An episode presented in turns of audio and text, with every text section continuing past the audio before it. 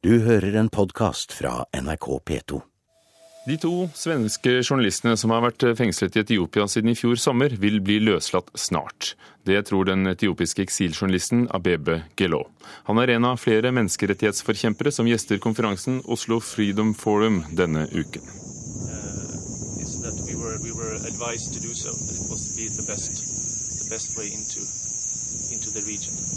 I et frigitt videoopptak forklarer de to svenske journalistene Martin Skybby og Johan Persson hva som skjedde da de ble pågrepet av etiopiske militærstyrker i juli i fjor. Svenskene har siden vært fengslet, siktet for terrorvirksomhet. Men nå kan de snart slippe fri, tror den etiopiske eksiljournalisten Abebe Gelau. The Swedish journalists, uh, as far as I know, will. Uh, they will be released because of political pressure, not because of the justice system. The justice system doesn't work in Ethiopia. It's only political decision which, which works. So there is a pressure, you know, by the Swedish government and the international community to have them released. I'm definitely sure that, that they will be released uh, very soon. Politisk press fra Sverige og omverdenen vil føre til svenskenes løslatelse, tror Gelau. En av mange menneskerettighetsforkjempere som denne uka gjester konferansen Oslo Freedom Forum. This is my website, actually, practically.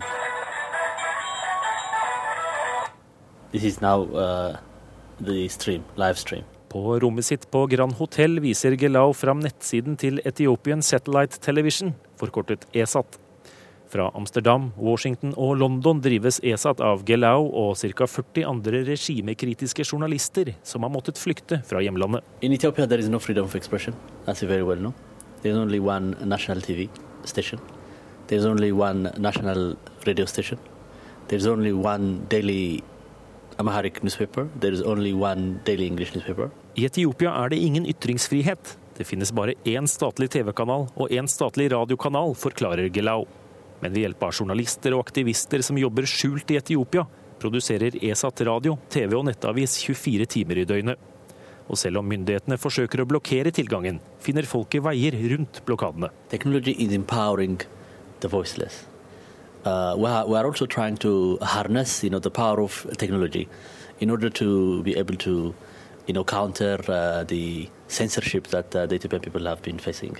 So, in fact, technology has greatly, greatly empowered us. Moderne teknologi gir makt til dem som ellers ikke blir hørt, og er avgjørende for arbeidet vi gjør, forklarer Gelau.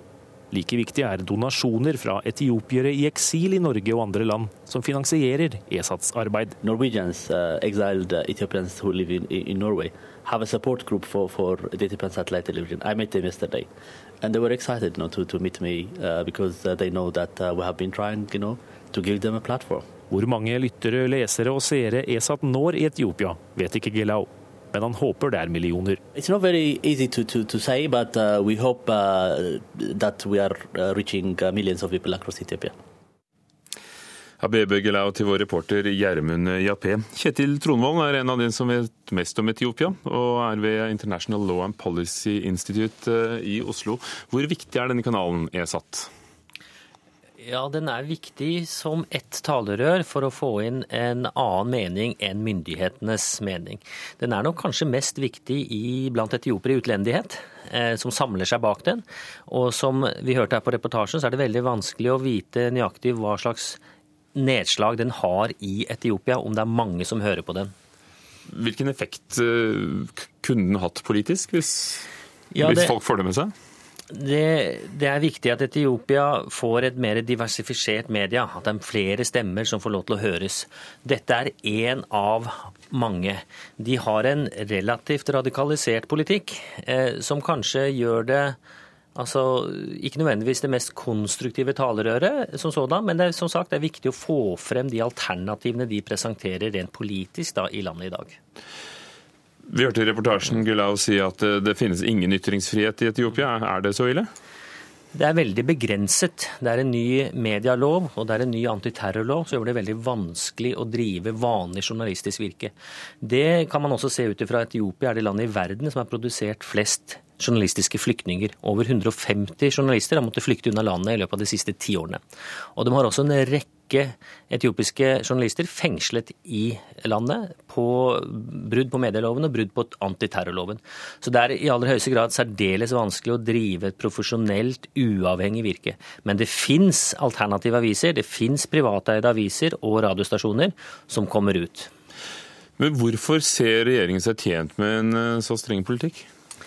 Eh, regjeringen har en veldig klar ideologi på hva de vil med landet sitt, og hvor de vil hen. Hvor de vil Etiopia skal være om 10 år, om 20 år, om 30 år.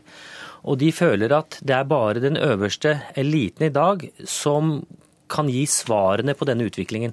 De trenger ikke noe input fra folket, de trenger ikke noen diversifisering av meninger. De har alle svarene på alle spørsmålene, og de ønsker å utvikle seg og utvikle landet sitt, jf. akkurat den strikte linja de selv definerer. Er det også andre som ser dem som et opplyst enevelde, som de tydeligvis gjør selv?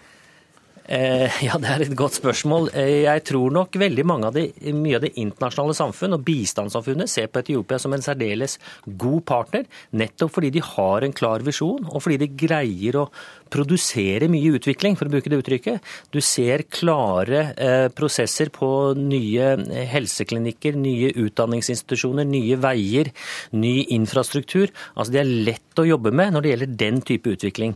Når det gjelder mer menneskerettigheter, demokratiutvikling, så er det umulig. Norge gir flere hundre millioner kroner i bistand til Etiopia, og da kan vi spørre oss, eller jeg spør deg, hvorfor, når forholdene er som de er?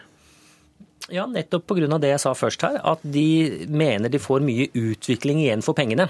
Altså sosial, økonomisk vekst, og at det er en lett partner å jobbe med på så måte.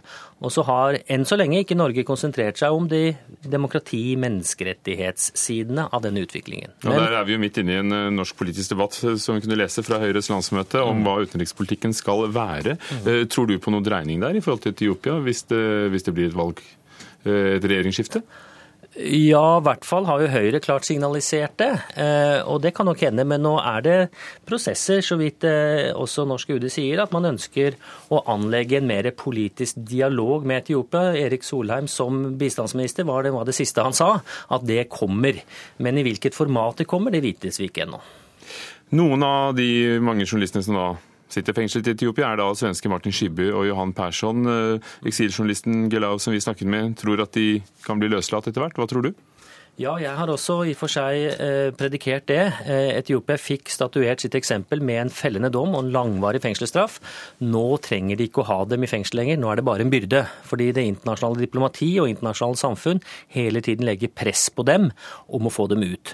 Så jeg ser for meg kanskje i løpet av sommeren at de får en benådning og slipper ut. Takk skal du ha, professor Kjetil Tronvold ved International Law and Policy Institute. Du har hørt en podkast fra NRK P2.